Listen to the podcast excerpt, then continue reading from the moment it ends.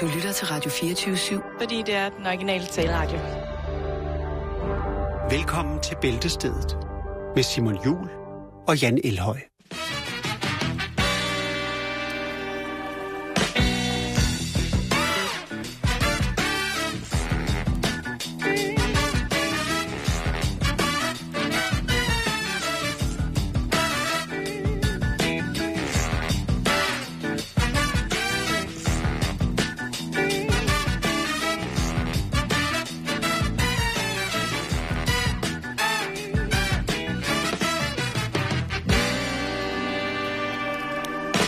Velkommen til. Tak. Det er Bæltestedet på Radio 24 /7. Og vi er klar til jer med en øh, udgave af programmet, som er onsdagsrelateret. Hvordan det? Ja, det ved, jeg, jeg, noget, jeg, ved, jeg ved ikke, det var bare et, et, et ord, jeg hørte i morges i radioen et andet sted. Der var Ja. der nogen, der sagde, at det var et meget tirsdagsrelateret problem, som Ja. i, at det, det var lidt en angivelse af, at det var noget, der skete i går. Ja. Så var det tirsdagsrelateret. Det synes jeg bare var ret fantastisk. Så jeg, Så jeg, længe det ikke tænker, er banderelateret, så går det nok. Jeg tænker bare, at altså, onsdagsrelateret, det er, jo, det er jo ret fint, når det nu er. Nu engang er onsdag. Vi- skal i gang, Jan. Og, Ja. øhm, Ja, Simon. fordi vi Ja, har... Simon, det skal vi. Så det er godt nok jo. Så er det bare med at lukke op for godtposen jo. Nå, Simon, nu har det til så. Ja, det ikke godt at vide. Men jeg kan da se hernede, at der står en bogstav, som giver et ord, som sætter ord sammen, som så er ordene, der er sammen der med bogstaverne, så kan jeg sådan om, du- om duft. Stop! Ah! Sanseoplevelse gennem lugtesansen, hvor slimhinderne i næsen bliver påvirket af luftborgen stoffer. Det er lige præcis det, Jan. Er det det, vi skal have gang i? Vi skal snakke om nogle ting, fordi der er jo nogle gange, der er nogle ting, der forsvinder omkring, omkring os. Det, så det går man sgu ikke lige at stene så meget over, men når lige at tænke over det, du ved. Vi har nogle ting i, i hverdagens trummerum, som vi ikke når at tænke på, fordi de sådan set bare er der. Og det er jo for eksempel sådan noget som dufte, lugte og aromaer. Mm. Det er jo så nogle af de her ting, som man måske ikke tænker så meget på, om de er der eller ikke er der. Men hvis man bliver gjort opmærksom på, at de ikke er der, så er det jo klart, at så er det noget, man lige pludselig mangler, eller man synes, der ikke, der ikke er der. Øh, men aroma betyder utrolig meget for os, øh, og måske i virkeligheden meget mere, end man tror. Altså, hvis vi stadigvæk havde været på dyrestadiet, jamen, så var det jo en af de aller, aller vigtigste sanser, for eksempel i forhold til at formere os. Der er det jo lugtesansen, som er, som er god at have. Ja. Og man kan jo- blive henført til sådan nærmest sådan tidsrejser, hvis man genkender en duft eller en, en lugt. Ja, det har vi snakket om for øh, lidt over et års tid siden, mm. omkring det her med, med demente. Ja. Som øh, jo, Blev mindet om nogle ting, som man troede, de ikke kunne huske, via at blive påvirket med forskellige aromaer. ja, lugt kan også godt være kulturbestemt. Ja, 100 procent. For eksempel så kines, kan kineser ikke forstå, hvorfor at vi øh, heroppe øh, i Europa nyder et dejligt stykke ost. De synes, det er ganske forfærdeligt. Til gengæld, så øh, kan vi ikke rigtig forstå, hvorfor de er så glade for rådne æg. Jamen, det er lige præcis det. Ja. det, det gør noget inde i vores hoved, rent neurologisk, kan det få os til at opføre os både vanvittigt godt eller roligt, eller hvad man nu kan sige. Den kan ligesom pode alle former for sindstemninger, de her dufte. For eksempel mm. ens kærestes duft. Det er jo noget, man kan savne, for eksempel. Hvis man er ude at rejse, og så har man oh. taget et par af hendes beskidte underbukser med. Ej, det har så, man ikke. Nå, okay. Men så har man måske taget lidt... Så har man måske taget Måske lidt... tørklæde. Der er god duft heroppe, ikke? I hals, halspartiet. Ja, præcis, ikke? Jo. Og så, så, eller hendes hovedpudebetræk, eller man har klippet noget af hendes hår, men hun sov. Og så har hun, mm, så kan man duft til den er væk. Ja, Mm, og så, åh, skat, jeg savner dig, jeg savner dig. Åh, jeg savner dig, sådan, så du dufter så godt.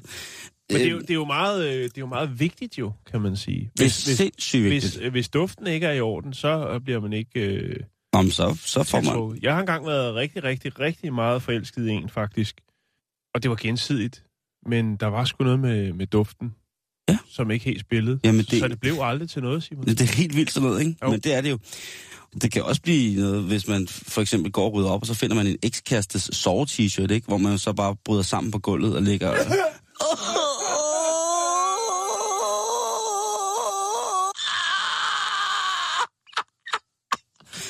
Fordi at man bliver påvirket af en duft. Og så er der jo selvfølgelig det her med, hvis man kommer ind nogle forskellige steder, hvor man så tænker, gud, altså, jeg var i et, et hjem for noget tid siden, hvor jeg kom ind i det der hjem, og så duftede der af, af cerut, røg. Ja. Og så var der, og prøv at høre, det her, det er, så var der nogen, der var i gang med at bære småkager. Jeg lige havde bagt, hvor de havde brugt margarine i stedet for smør. Så der duftede af cerutrøg, og så den her bare med det varme. sådan 70'er mormor duft. Det, det, ved du hvad, det var fuldstændig som at komme hjem til min mor og morfar. Der mangler Øh, bare noget Liva musik, så havde den været lige... Lige præcis. Så var jeg brudt grædende sammen.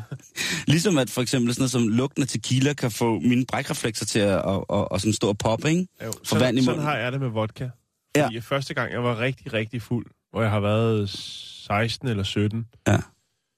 Det var i øh, vodka og appelsinjuice. Og jeg, kunne ikke, jeg kunne ikke drikke appelsinjuice i sådan noget fire år efter, fordi jeg synes, det, det lugtede af vodka. Øh, må Ja. jeg lige sige noget? Ja, endelig. Der er, også, der er også noget andet, som, altså, som jo virkelig, virkelig en gang imellem er virkelig tavligt. For eksempel, hvis man øh, tidligt om morgenen kører igennem byen, og så bæren lige har åbnet vinduet, så er der dufter af frisk morgenbrød. Så, oh. så er man nødt til at stoppe. Jamen, det er man sgu. Eller hvis det er lidt senere på dagen, og så er der en eller anden øh, café, som lige har haft gang i en helt stor brunchbuffet, hvor de har øh, kørt store fade med bacon ud, så der dufter af bacon hele gaden.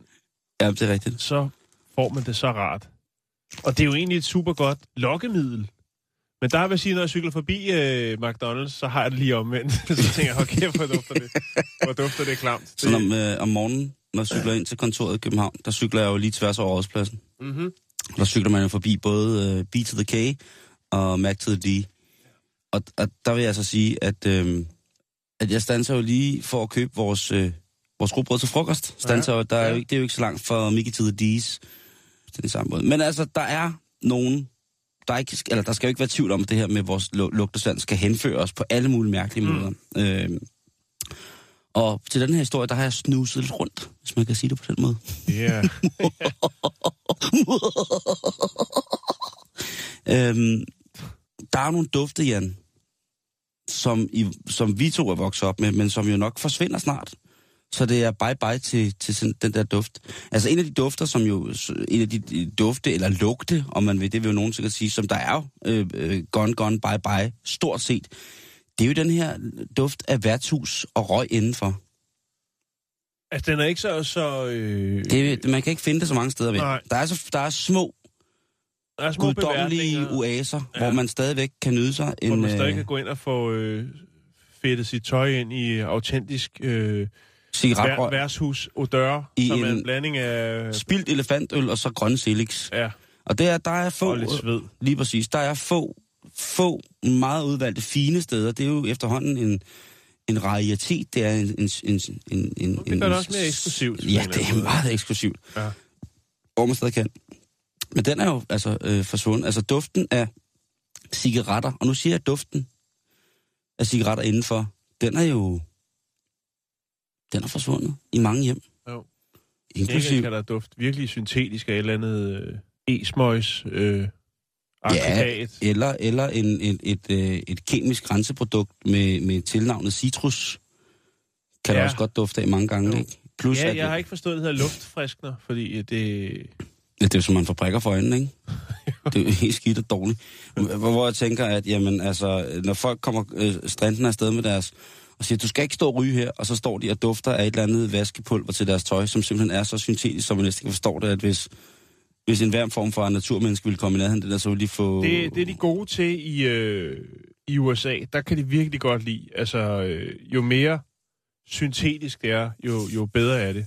Og det tror jeg, det tror jeg sådan set er en verdenstendens. Det er, en, Er det det? Ja, det tror jeg, at, at der er mange af Jeg de her synes, ting. at jeg kan huske, da jeg var på øh, møntvaskeri, da jeg boede i USA, jeg var meget, meget chokeret over, hvor meget øh, mange kemikalier, de hældte ned i deres, øh, deres tøjvask. Jamen, det gør de. Og dufte øh, halløj. Har du ikke set hylden nede på, i, i supermarkedet, når man går ned for at købe vaskepulver? Nu, nu, er, nu er det sådan... Øh, altså, jeg køber jo ligesom kun et vaskepulver, eller sådan... Og jeg skal ikke have skyllemidler og blegemidler og alt muligt. Der er jo nogle gange, når man ser folk på netop på vaskerier stå, hvad de hælder ned i den der, hvor mange ting, der skal i. Og man Jo. tænker, hold da op, det er er der. jo det er sådan en lille kemikersæt. ja, og så er det sådan noget øh, softener. Er der lavet sådan en liste over øh, troede lugte i det sociale rum? Nej, men det går vi i gang med nu. okay. Det er lige præcis det, jeg har jeg lavet. kunne mærke, det lå Ja, det kunne du godt mærke. Ja, ja. Ja, det kunne jeg da lige fornemme. Men nu kommer den her, Jan. En nogle af de ting, som der forsvinder. For eksempel spritduplikatoren. Den er snart forsvundet. Den Ja. ja. her maskine, hvor man tog, og så drejede man på et håndtag, Er det rigtigt? og så øh, den væske, der blev brugt til det, det var, eller den blæk, der blev brugt til, det var jo øh, noget, noget rimelig sindssygt noget, øh, man kunne nærmest blive fuld af. Det var sådan 50-50 af metanol og isopropanol. Det var stærkt, øh, et, øh, et af de største amerikanske firmaer, øh, Xerox, hvis man kender det, mm-hmm. et kopifirma, jamen, øh, de oplyste i deres årsrapport sidste år, at jamen, i 70'erne og 80'erne, jamen, der kunne de smide omkring 100.000 gallons afsted om ugen, hvor de i dag måske kun sælger et par tusind om måneden. Mm. Så den duft af, af, af, af spritbaserede ting, det samme med de rigtig gamle sprittusser, de store Penol 500-tusser, Ja. den duft, den forsvinder også, fordi at der, man må ikke bruge lige præcis de former for, for sprit i tusserne mere. Det, der skal være noget andet. Det skal kunne være vaskbart, og det må slet ikke være så permanent så- som Penol. Jeg kan huske dengang, når man tegnede på huden med de store sprittusser, at hvor det nærmest sved, og ens hud tørrede helt ud, fordi der var så meget sprit i, ikke? Mm. Og dejlige tider. Det var nemlig skønne sider. Den duft, den forsvinder nok også. Duften af diesel, den er nok også halsroet. Ja.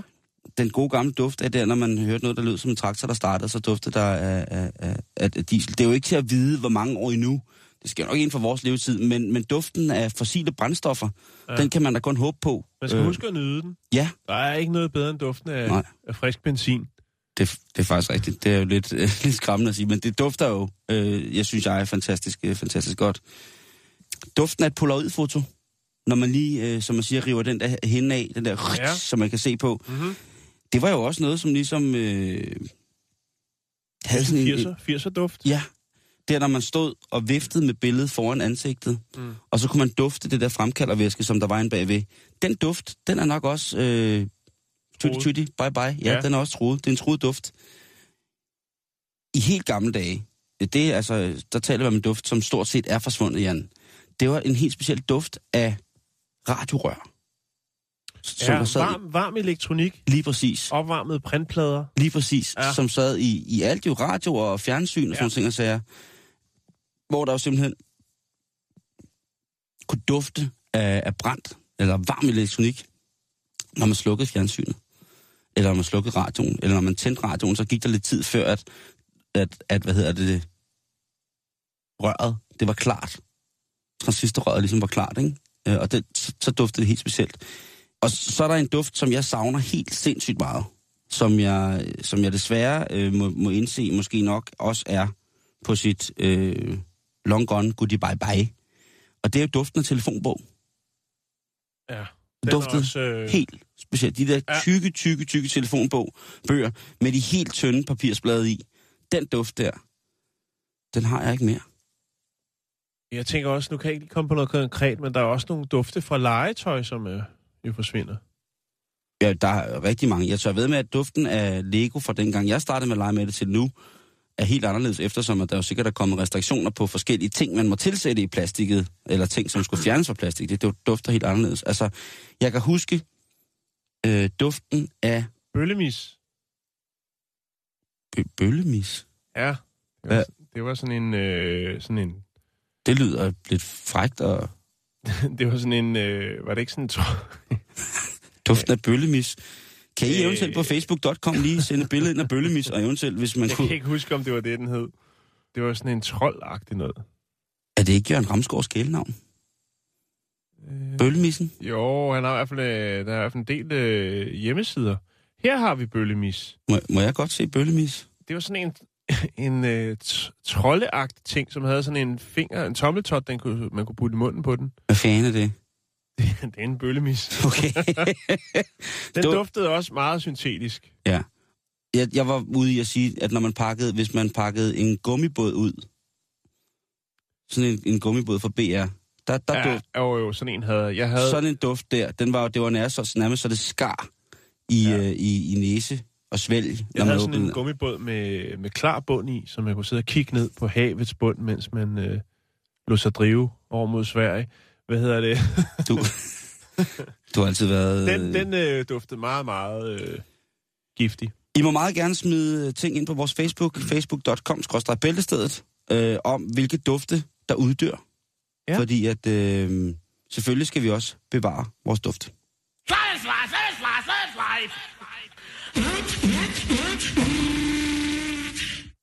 Jeg ser for mig allerede nu en, øh, en forening Ja, duftens bevarelse. Ja, troede Og det- duft. Nej, det skal altså være ting, som man tænker, det, det her, det når vi nok, øh, nok kun at dufte til et par år endnu.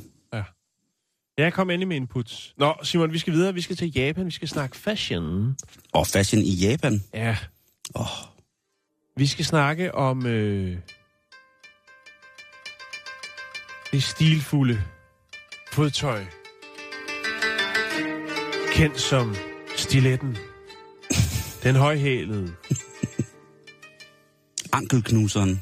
Ja, lige præcis. For det er det, det handler om. Det skal være slut med, at os mænd og jer kvinder skal døje med smerter i fødderne, anklerne, tæerne, bare fordi man har lyst til at se lidt godt ud I høje hæle.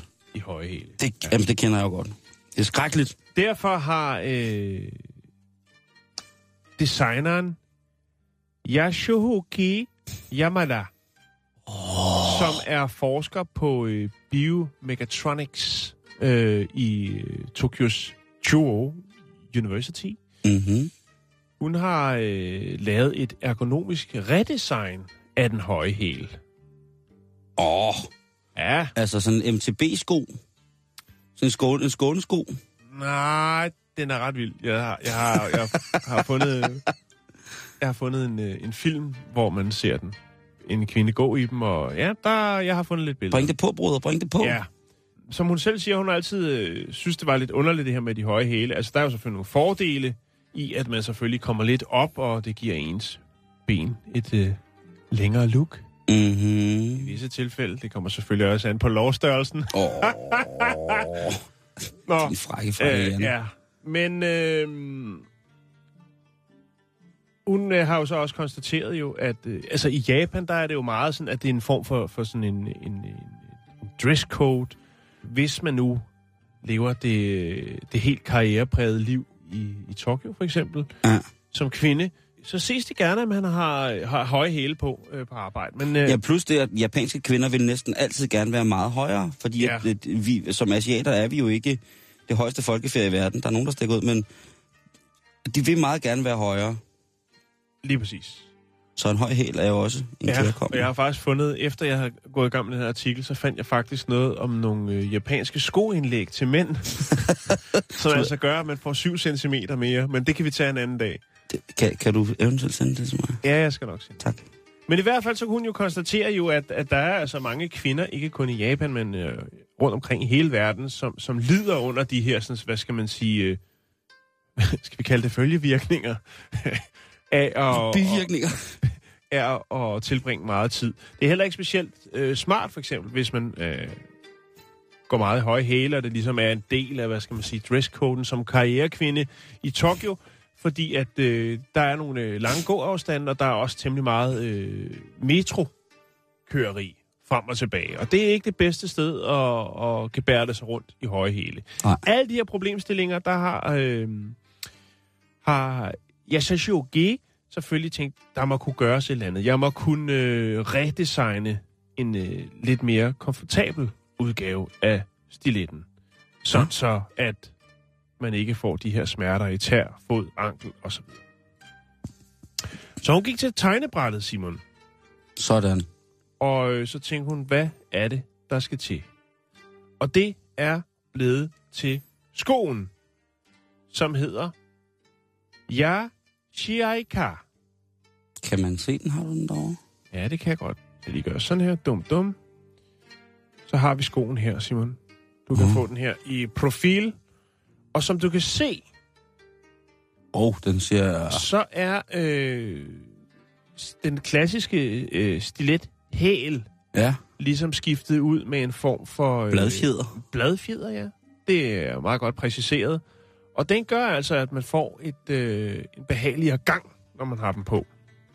Det ser meget øh, sådan future ud. Altså, det ser sådan meget futuristisk ud. Ja, Det kunne godt ligne sådan et Kærholm, Øh. Kærholm-møbel, ikke? Med, med klassiske den, den består af to nærmest buer, som er sat sammen. Øh, og den hjælper altså med at absorbere nogle af de her sådan, øh, stød, og de her, sådan, hvad skal man sige, vrik, som foden får, når man går i, i, øh, i øh, stiletter. Jeg har nær, nær knust en ankel på mig selv i en høj hæl. Jo, men øh, du har jo også haft et par roller, hvor du har ageret kvinde. Jamen, det var ikke en rolle, det var Nå. bare derhjemme, Nå, okay, ja. hvor jeg havde sådan en damedag. Det skader heller ikke. Nå, men øh, der er faktisk også en øh, smule historie til bundet op øh, på det her design. Fordi at selvom, ja, chaika, eller ja, chaika, lyder meget japansk, altså, og en sætning, der betyder lad os gøre det, så øh, kommer valget af navnet faktisk ud fra den første kvinde i rummet, som var i 1963, og hun hed øh, Valentina Treshakova hendes kaldenavn, når man skulle korrespondere med hende, øh, når hun var oppe i rummet, og så sad hernede på den blå planet, der kaldte man hende altså, altså hende for Chaika. Og deraf kommer navnet så, ja, Chaika. Det er en landevinding for alle kvinder. Symbolikken er drivende. Ja. øh, ja, Chaika er for nylig blevet nomineret til den prestige, prestigefyldte James Dyson Award for studerende designere. Og der er selvfølgelig planer om, man kan sige, der kommer en, øh, der er det, der hedder øh, Tokyo Design Week, hvor det er så, at Yasuki har øh, lavet en opdateret version af, af skoen. Mm-hmm. Og øh, håber selvfølgelig på, at øh, der er nogen til den her, sådan, den her designmesse, som vil smide nogle penge i, så man kan lave en øh, masse produktion af den her sådan, nye, spændende, ergonomisk redesign af stiletten. Simon, jeg har fundet en film, hvor man kan se lidt om skoen, hvordan at øh, en kvinde går i den. Det er. Ja. en rigtig lækker film. Den øh, har jeg fundet på Vimeo. Og den vil jeg lægge op på vores øh, Facebook-side, som følger facebook.com bæltestedet. Og så kan man ellers øh, se, om det kunne være noget for en, når den på et tidspunkt kommer til salg i verden. Er du, øh, er du sådan en, en mand, som, hvor det gør lidt ekstra, at hun har høje hæle på? Nej. Det, det har du også sådan. Og det, men det er jo forfærdeligt at sige til en kvinde, Jan, at hvor man siger, prøv at høre, det, det gør ikke noget, at altså, du behøves, altså hvis du føler... Det er meget en type Hvor- ting. jeg Men hvordan skal man sige det? Fordi, på en pæn måde, fordi hun vil jo helt sikkert også føle sig mega nice i de her høje hæle, ikke? Nå, men jeg og sådan lidt det er bliver strammet ting. op, og røven går, går lidt opad, og sådan, du ved, der er nogle forskellige ting, som ligesom bliver bedre. Men, men det er også bare sådan, at, at jeg er ikke sådan en, altså, det, Ja, igen, hvis- igen må jeg sige, et par cowboybukser, et par flade sko og en øh, hvid t-shirt, så er jeg altså også, øh, jamen prøv at høre, jeg er Jo, så simpelt et menneske. Jamen prøv at høre, jeg tænker også, det kommer også an på begivenheden, og så videre, og så videre, og så videre. Altså, er det til noget specielt fint, øh, så kan det da sikkert være meget fint, men sådan noget dagligdags... Øh... Nej, Det kan selvfølgelig også være, fordi jeg er så lav, at lige så snart at bare en, en 1,30 meter høj dame tager en lille bitte hæl på, så bliver hun sikkert 40 cm højere end mig. Jeg ved det ikke, men jeg, jeg, jeg har det lidt sådan... Øh, hvis hun føler, at hun bliver mere feminin og mere elegant af det, så vil jeg værdsætte det 100%. Men for min skyld, ej, kæreste skat, du behøver ikke at tage de høje hæle på, fordi det er fandme ikke irriterende at høre på en hel aften, hvor belastende det er at have høje hæle på.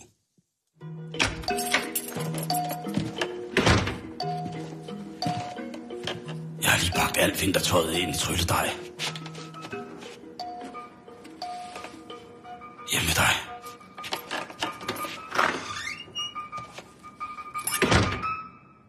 Man kan jo også bare gøre sin entré, og så efterfølgende, når musikken er sat på, og der er lidt bobler i glasset, skifte til en øh, flad sko. Det var blot et tip. Vi skal videre i programmet. Hvordan lever du? Lever du, som du gerne vil? Ja, det er jo et okay vildt spørgsmål. Jeg tror, at de fleste har noget i deres liv, som de godt vil have lavet om på. Men som er umuligt at få gjort om eller omgjort. Nogle folk, de gør jo alt, hvad de kan for at leve fuldstændig, som de helst vil. Det psykologiske er vist til dels et andet program, men de fysiske rammer for, hvordan vi bor og hvilket udtryk vi har tøjmæssigt for eksempel, ja, det kan vi jo som sådan godt lave om på, således at vi lever i de omgivelser, vi synes, der passer os aller, allerbedst. Og Jan, nu skal vi snakke lidt om nogle folk, der øh, har deres helt eget specielle liv rent omgivelsesmæssigt. De har simpelthen fundet ud af, at jamen, hvis de ikke lever i en bestemt omgivelse, en bestemt stemning, en setting, så har de altså ikke mulighed for at leve deres liv fuldt ud. Nej. Øhm, så det gør de, de, de laver det altså. Til at starte med, så skal vi en tur til familien Kinan, som bor i Sydney. Og familien Kinan, nok mest faren og moren, synes altså, at tidsalderen 50'erne, det var bomben. Det var fantastisk. Det var der, hvor man måtte ryge bilerne. Det var der, hvor der blev danset jitterbug og Lindy Hop, og der var, der var Elvis i radioen, og der var... Jamen, det hele, Jan, det var bare lidt Det federe. var meget federe. Familien Kinan, de har valgt at bo fuldstændig, fuldstændig som i 50'erne. Og det er altså alt fra deres tøj til deres hus til deres bil. De lever det fuldt ud. Ja. De lever Og- drømmen. Og, og moren, som hedder Pixie, hvilket jo også er sådan en rimelig godt 50-navn, hun blev besat af 50'erne, da hun så Elvis Presley optræde i Las Vegas, øh, hvor hun blev taget med hen af sine forældre. Og hendes mand, ja, altså han havde fuldstændig samme oplevelse med Elvis Presley, bare øh, et andet sted i USA. Og de har så fundet sammen og fundet ud af, jamen det er altså sådan, det skal være. Der, jeg, Og så jeg, hvad siger du så selv flyttet til New Zealand, eller hvad? Så er det ikke? De, er jo- øh, nej, de er fra Australien. Nå, De okay. er fra Australien, men de har så været i USA og set de her ting. Det har til synligheden været en velberejst familie, dem her. Men, altså, tænk på børnene. Og jeg, jeg har fundet nogle forskellige interviews med den, fra, fra lokalavisen der, og børnene, de, de ligner jo også, altså, nu er det så heldigt, at retro-moden er så godt i gang, så ungerne ser bare ud, som om de er sindssygt hipt klædt i virkeligheden. Jo. Øh, ja. Men det er stadig øh, 50'er-tingen. Og det kører derud af. Når familien skal hygge sig helt klassisk, så er det på diner. Der ligger en, en 50's diner i byen. Så tager de derhen. De kan ligesom ikke tage andre steder hen. Og ja, så er det Milkshake, så er det Elvis Presley, Bill Haley og Buddy Holly, der kører for fulde gardiner. Fjernsynet, det er sådan lidt so and so. Øh, det kan de få lov til at se. Børnene går trods alt i skole også, så de får noget af, noget af Det vil ikke være helt øh, omskåret for afverden, vel? Den Øh, virkelige verden. Nej, men, men det, det, det ser lidt sådan ud nogle gange, vil jeg sige. Øhm, jeg lægger lige lidt billeder op af, af familien Kinan, som sidder, og et af billederne blandt andet nok lidt sat op, men der sidder, i stedet for at drengen sidder foran computeren, så sidder han og spiller brætspil med sin far. Og der må man jo sige, der ville jeg godt have haft muligheden for at kunne lade mit barn også interagere med andre end ens voksne ven et eller andet sted. Hvad er der galt med brætspil? Vi spiller tit brætspil derhjemme. Det er fantastisk, men der må også godt, de må også godt have lov til at spille iPad, synes jeg. Nej, jeg vil sige, de skal spille brætspil, men de må også en gang imellem godt have lov til at spille iPad. Ja, det, det var det, jeg mente. Det var det, jeg mente. Okay. Altså, bare sådan lidt up, up to date, ikke? Jo, jo, jo. sted. jo. Øh, så hvis man mangler et, et 50'er fix, så er man altid velkommen, som de siger. Familien Kinan i Sydney.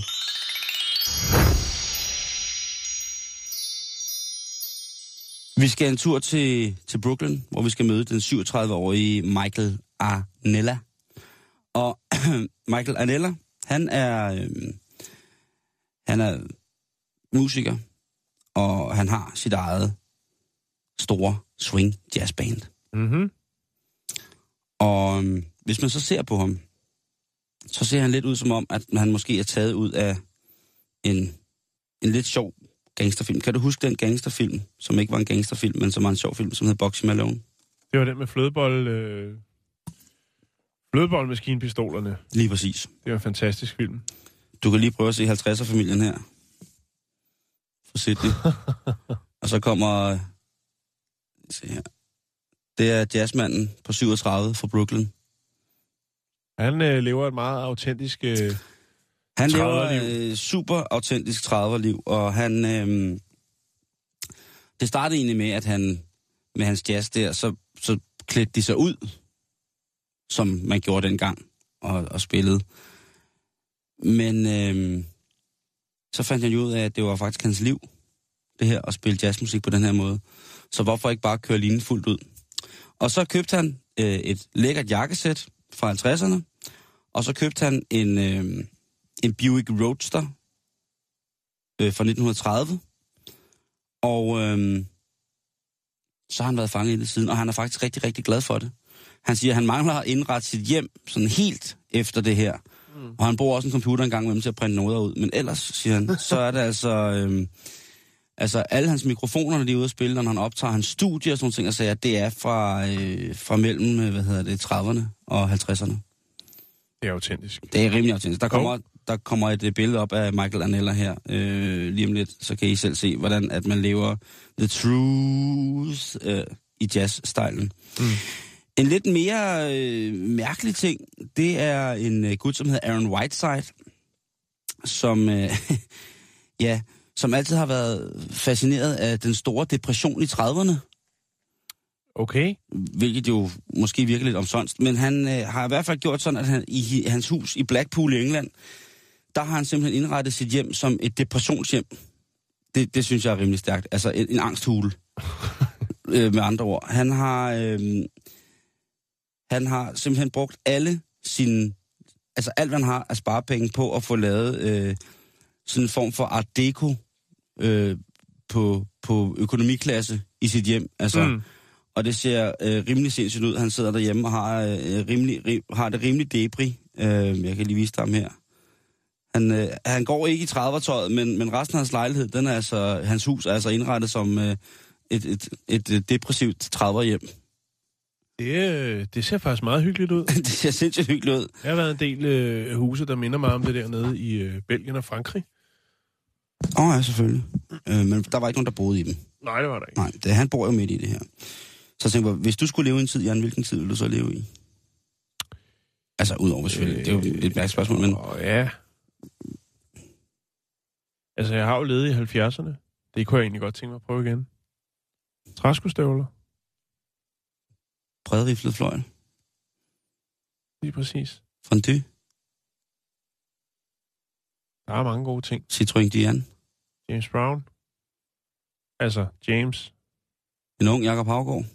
Jo tak, jeg skulle gerne have levet i 70'erne. Jeg kom øh, til at tænke på en, en fyr, som jeg har stiftet bekendtskab med for en del år siden. Øhm, en englænder, som... Øh, ja, han hedder i virkeligheden øh, Ron Broomfield, men han, han lever som havenisse i sit hjem. øh, og har en af verdens skal du- største, største samlinger af havenisser. Ham kan du se her. og han går altså det her havenissetøj øh, oh. hver dag, og øh, han har oceaner af havenisser. Folk kan sende Han ser fucking ond ud. hvis de er træt af deres havenisse, eller den er gået i stykker, så har han et lille værksted, hvor han øh, renoverer havenisser. Du kan se. Det er hans ja. have her. Den er helt proppet. Han er fantastisk. Ja, han er sej. Men det er jo ligesom ikke en tidsalder. Ah, det ved jeg nu ikke. Det er jo... Siger du? Ja, det synes Nej, jeg jeg forstår, jeg forstår, hvad du mener. Øhm... Nej, det var bare lige det, jeg kom til at tænke på. For der er også, øh, altså han er også en, der lever fuldt ud som... Øh, ikke så Han, han lever sin drøm. Han er dedikeret, han lever sin Han, drøm. han lever sin drøm. Ja. Jeg ved ikke, jeg havde måske tænkt på noget farov. Jeg godt ville være egyptisk farov. Ah ja, okay. Men det, det, det er så langt, så det er det eneste, jeg er kommet dertil.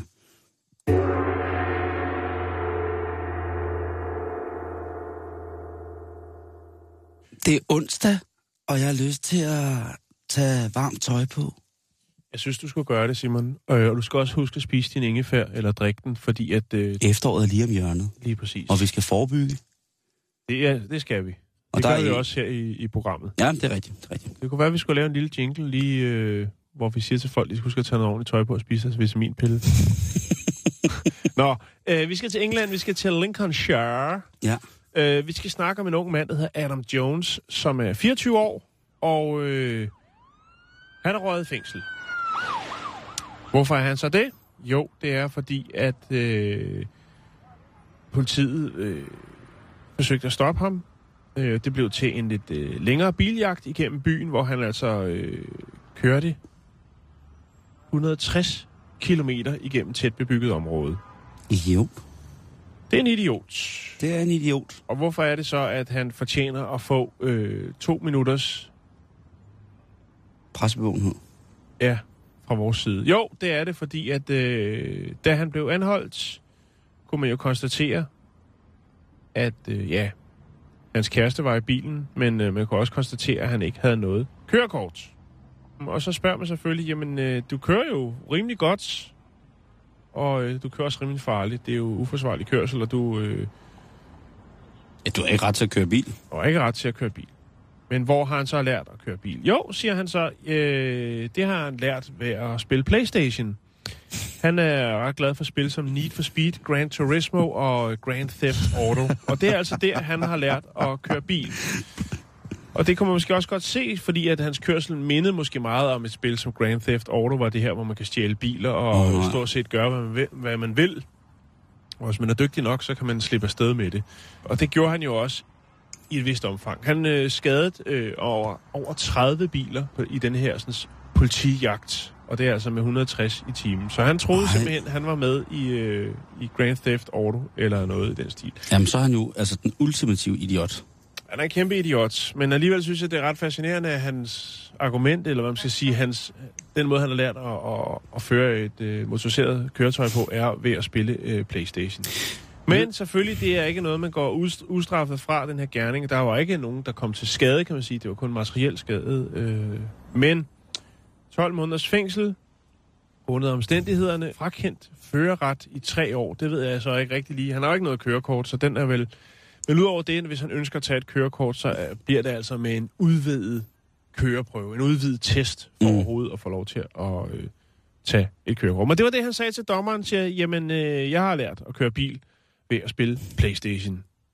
Så øh, hold lige øje med jeres unger. Det var det, Simon. Jeg læste en artikel om, om de her dronepiloter, der bliver uddannet i USA. Mm-hmm. Dem, som flyver de her ubemandede fly, som både kan selvfølgelig overvåge, men som også kan interagere i forhold til de styrker, som der er på jorden. Mm-hmm. De vil kunne yde det, der hedder ildstøtte til, til dem. Og de piloter, dronepiloter, der kommer ind der, ved du, hvor at man prøver at også headhunte dronepiloter henne? Nej. Det gør man netop i sådan nogle gaming communities, hvor der sidder nogen og spiller sådan nogle spil, hvor man flyver rundt i simulerede øh, fly. Ah, okay. Man er faktisk så langt i, i simulationer, at når piloter laver det, der hedder et typetjek, det er noget, man laver, hvis man flyver en slags flyver, så hvis man skal flyve en anden slags flyver, så skal man så have et typetjek, altså så man ligesom, ligesom lærer det nye fly at kende.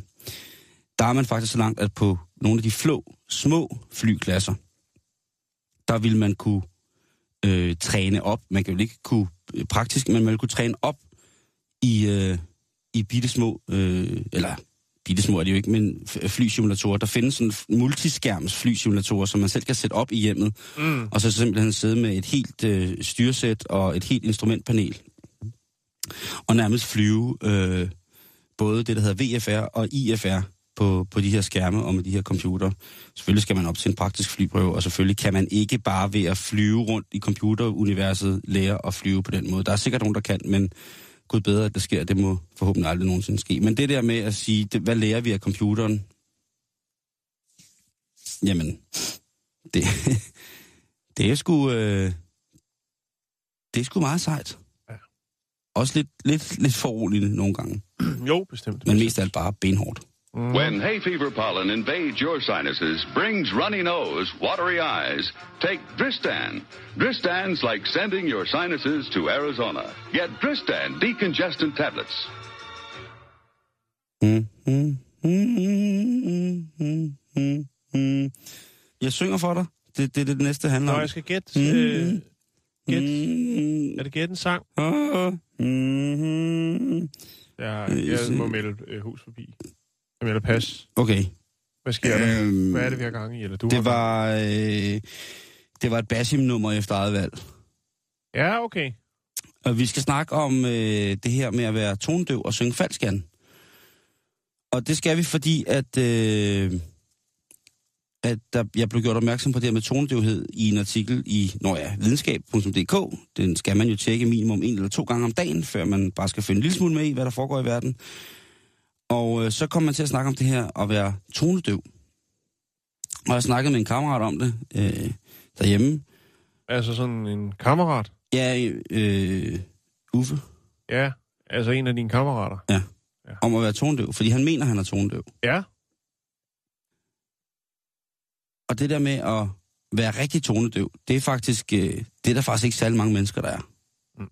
Der er faktisk ikke så mange mennesker, som sådan er helt fuldstændig stok tonedøve.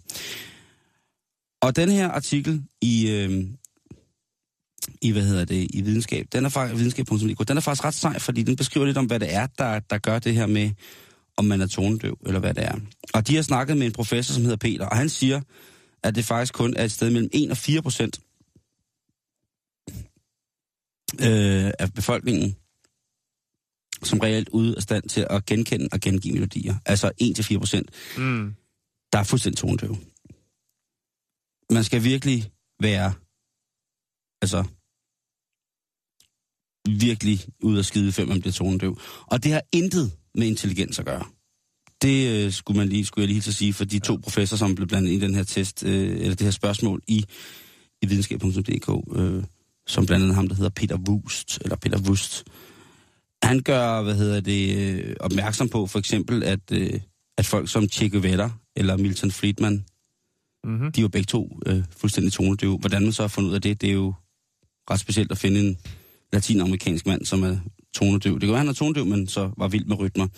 Øh, Peter Wust, han er professor ved det Jyske Musikkonservatorium Institut for Klinisk Medicin ved Aarhus Universitet. Og han mener, at for eksempel 10-15% af befolkningen har problemer med at synge rent, men de er altså ikke tonedøv af den grund. Bare fordi man ikke synger rent, så er man ikke tonedøv. Mm. Øh, det kan man ikke bare, øh, de kan bare ikke overføre de toner, de hører, til den samme tone, som de selv skal synge, men derfor er man ikke tonedøv. Øh, men hvorfor bliver man så tonedøv, Jan? Øh, Er det noget, man bliver, eller noget, man er... Ja, og det er jo sådan, sådan det her med, at der er forskellige hypoteser om, hvad det er. Om det er arv eller miljø, og der har til synligheden været rigtig mange undersøgelser med, med det. Blandt andet har man tjekket gehøret hos øh, enæggede tvillinger og hos tvækkede tvillinger. Og øh, jamen, det her med at være at kunne synge sammen, for eksempel. Ja. Synge rent sammen. En smuk duet, for eksempel. Ja, jeg kan huske, der var nogle, nogle tvillinger med i X-Factor engang, eller hvad det hed. Eller, Åh, oh, ja. øh, og, og der siger øh, Peter, ham øh, professoren, siger, ja, altså, hvis man er meget sammen, så, så kan man også mere sammen. Og hvis man så også har det der, som Det var så bare ikke helt tilfældigt. Nej, det var måske lige lidt voldsomt der. Det, var, det kan jeg godt. Jeg vil meget gerne skrive under på, at det var lidt, lidt, lidt specielt der. Men, øh, men det kan have rigtig, rigtig meget med, med arv og miljø at gøre. Mm. Fordi hvis man er vokset op i et øh, musikalsk miljø, så har man et bedre udgangspunkt for at forstå toner, siger han. Det er jo Og så øh, er det måske også, at man har noget med noget gå på mod i forhold til ligesom mm. at prøve at stille sig op og bruge sin stemme til at, at, at synge. med. Det havde vi jo faktisk øh, noget forskning for øh, nogle måneder siden omkring det her med, om, øh, altså, om sorte mennesker. Ja. Altså afrikanere var, havde mere rytme end hvide, Ja. og det viste jo også, nej, det har det ikke. Det, Det er bare det en større del af deres kultur, Lige præcis. så derfor så er de... Øh, En norsk er undersøgelse. Ja. Ja. Øh, og det er fuldstændig det samme med musik. Mm. Så kan man så diskutere klangen.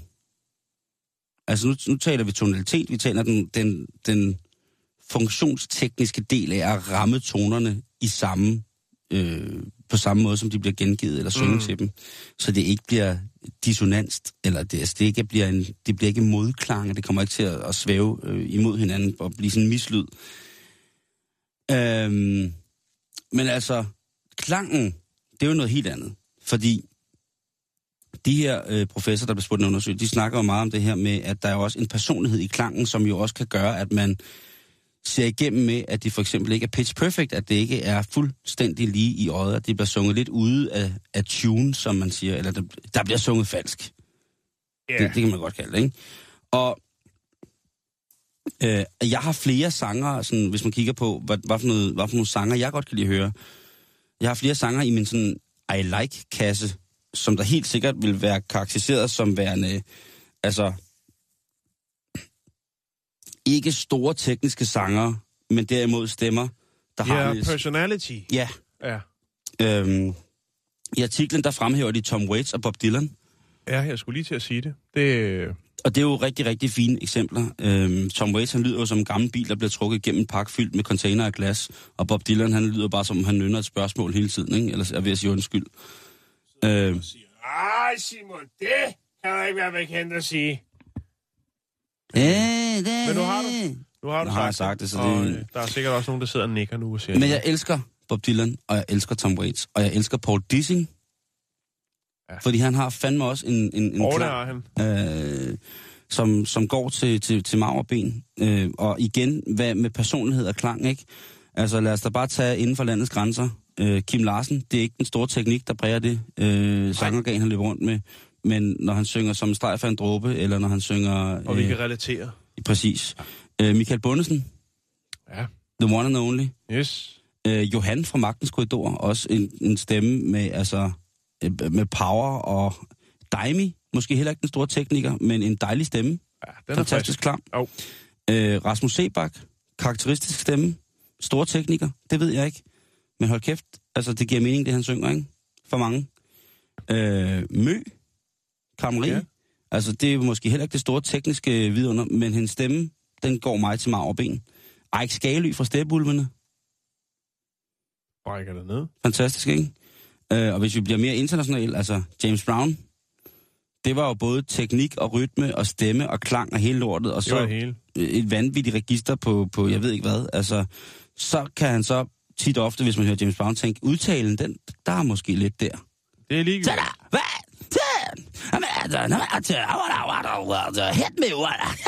Og helt over i den anden øh, boldgade, der har vi Spice Girls. Jamen, der er jo ikke noget at komme efter på Nej, nogen der af er dem. lukket på alle. Øh. Anne Linde, klang så det batter, ikke? Jo, jo, jo, jo. Og så er der der, øh, så er der sådan en klang, øh, der bare rammer, øh, du ved, hvor det sådan er kombinationen af klang, teknik og personlighed. Og, og der må man sige, i Danmark, der, der, der er det jo måske straks værre på den måde. Altså en, en, en pige som Cecilie Nordby, Nina Forsberg, dem der sang i One Two, som sang rock i 80'erne, og så synger jazz nu. Og sådan, altså, hvis man er inde og se en koncert med, med for eksempel Cecilie Nordby, som både hvis man så hende, da, da One Two ligesom lige pludselig genopstod, og hvis man så ser en jazz. Altså, der er tale om klang, teknik i fuldstændig, altså i overflod, som man slet ikke fatter det, ikke? Det, det spiller. Øh, Sanne Salomonsen, hende må man altså ikke undervurdere. Nej. En fantastisk sangerinde, og en, øh, en, en råden god tekniker, øh, som måske har fundet et niveau rent teknisk i dag, som passer mere til den måde, hun ligesom synger sang på. Øh, Lis Sørensen, fantastisk tekniker. Barbara Moleko, øh, fantastisk tekniker, men også et, øh, en, en klang og en personlighed, som, der, som ingen andre har.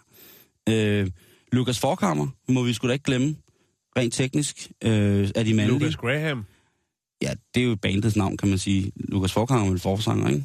Ja, det er det, jeg siger. Lucas Graham. Lige præcis. Han synger jo... Det er jo ikke altså, sikkert, at alle kender hans efternavn. Nej, det er rigtigt. Han har jo også, altså det er jo både stemme, klang, personlighed og teknik i fuldstændig åndssvag grad, ikke? Jo. Øhm, øh, hvad hedder det? Coco Maja Hastrup, Karshøj hedder hun jo helt faktisk, øh, fra Kordron. Igen også en stemme, som indeholder både klang, personlighed og voldsomt teknisk tæft. Øh, Nils fra Winnie Hue, Han kan noget. han kan fandme også noget, ikke? Altså, så vi har det hele i Danmark, vi skal ikke så langt væk, øh, men det er sgu da, ja, jeg ved sgu ikke, hvad det er, men det er bare den her, du ved. Altså, der er nogle stemmer, som man bare, altså, det, der kan man ikke sige noget som helst, vel? Altså, Otto Brandenburg og John Mogensen, det, det, for mig, der, det går bare ind i mig. Bamse. Flemming Bamse. Ja, Flemming Bamse, mand. Så husk, du er ikke tonedøv. Du er bare på et andet plan. Y el resultado salta a la vista, apostando al éxito en cada paso, tras años, con un sólido crecimiento, superándose con cada experiencia en todas sus presentaciones. Åh, ja, Simon, vi har ikke så meget tid tilbage. Nej, har vi så ikke. Tiden øh, flyver på en onsdag. Jeg har to... Øh, Jeg laver lige en hurtig knippebevægelse. Så. Jeg har øh, to historier, som jeg godt... Og, øh, eller til dagens program, men øh, jeg vælger en ud. Og tak, det er jeg glad for. ja, øh, fordi at, øh, det, det er det, vi kan nå. Og okay. jeg tager så den, der er den mest mærkelige af dem. Det er Ej, er sgu for. faktisk ret mærkelige begge to. Okay. Øh, men jeg tager den her. Og den handler Tak. om... Øh, vi skal snakke teknik. Ja, jeg ved godt, det var lidt rodet. Undskyld. Nej, det er fint. Vi øh, skal snakke om øh, iPhone-sikkerhed. Det er jo sådan oh. så, at øh, de nye iPhone, dem kan man jo øh, låse op med øh, sit helt eget personlige fingeraftryk. Kan man det? Ja, det kan man godt. Det ved du da godt. Med ikke- fingeraftryk? Ja, Det vidste jeg ikke, man kunne. kan man ikke det på din? Nej, der skal jeg trykke en kode. Nå, se her. Prøv at se.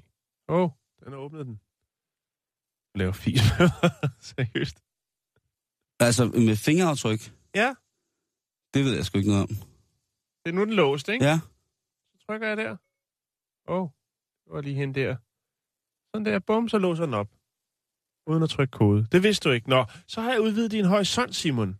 ja tak skal du have. Ja, Shit, du vidste jeg. okay.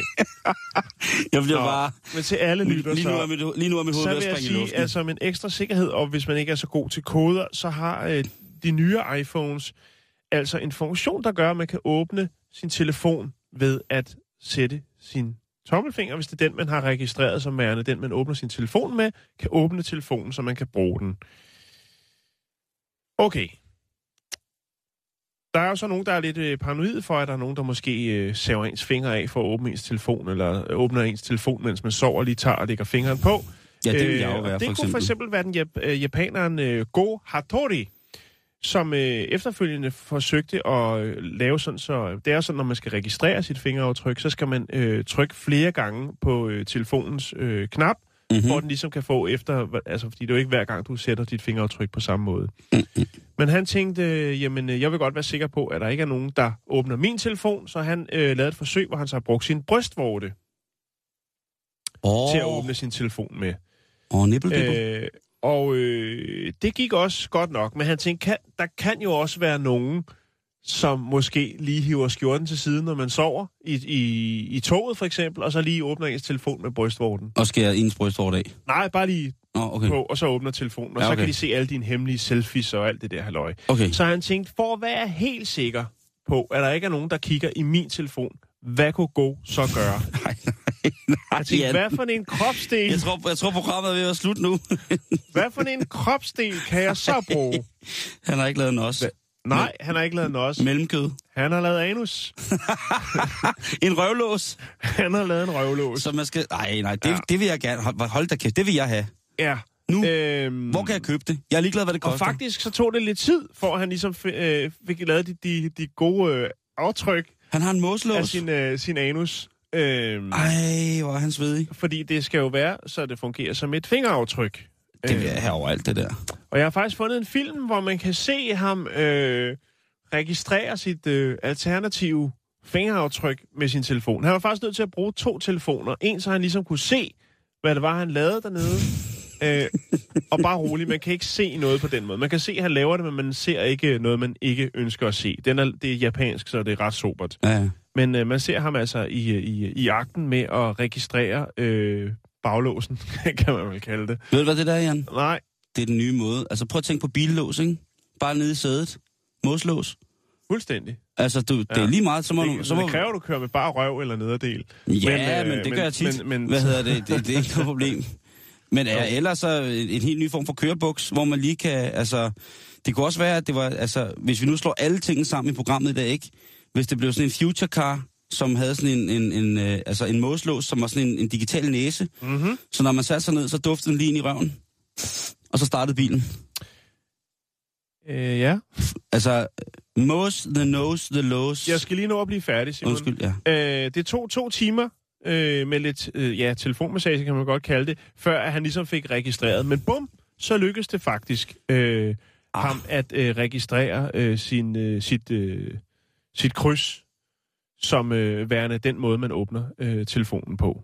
Øh, og han er ret sikker på, at det valg gør jo så, at der ikke er andre, der ønsker at snige sig op på ham for at åbne hans telefon og kigge i hans øh, private ting. Ja, eller lige låne telefonen, ikke? Og så, hallo, det... Åh, oh, du ryster. Ja, lige præcis.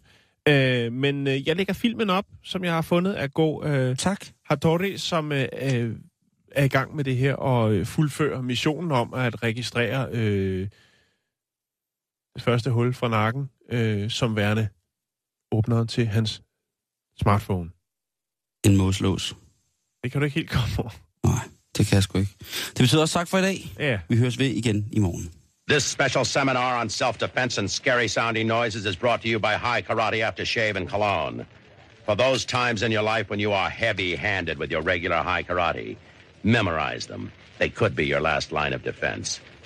Suppose you've just splashed on high karate, reading a Boy Scout manual, or working on your butterfly collection, and your girl, or even your wife attacks you from the rear. Here's what you do. Spring backward, turning a somersault in midair and trapping your attacker's head with your ankles. At this time, a counterattack is imminent. As your girl launches her new offensive and leaps at you, hold your ground until the last possible second and shout. Then, quickly drop to the floor. As she passes you in the air, deliver a stern lecture on the importance of self-control. By this time, your attacker is subdued, and try to be understanding. Remember, She's just experienced a severe emotional upheaval. This record has been brought to you as a public service for your own protection by the makers of High Karate Aftershave and Cologne. High Karate. Be careful how you use it. Du lytter til Radio 24 /7. Om lidt er der nyheder.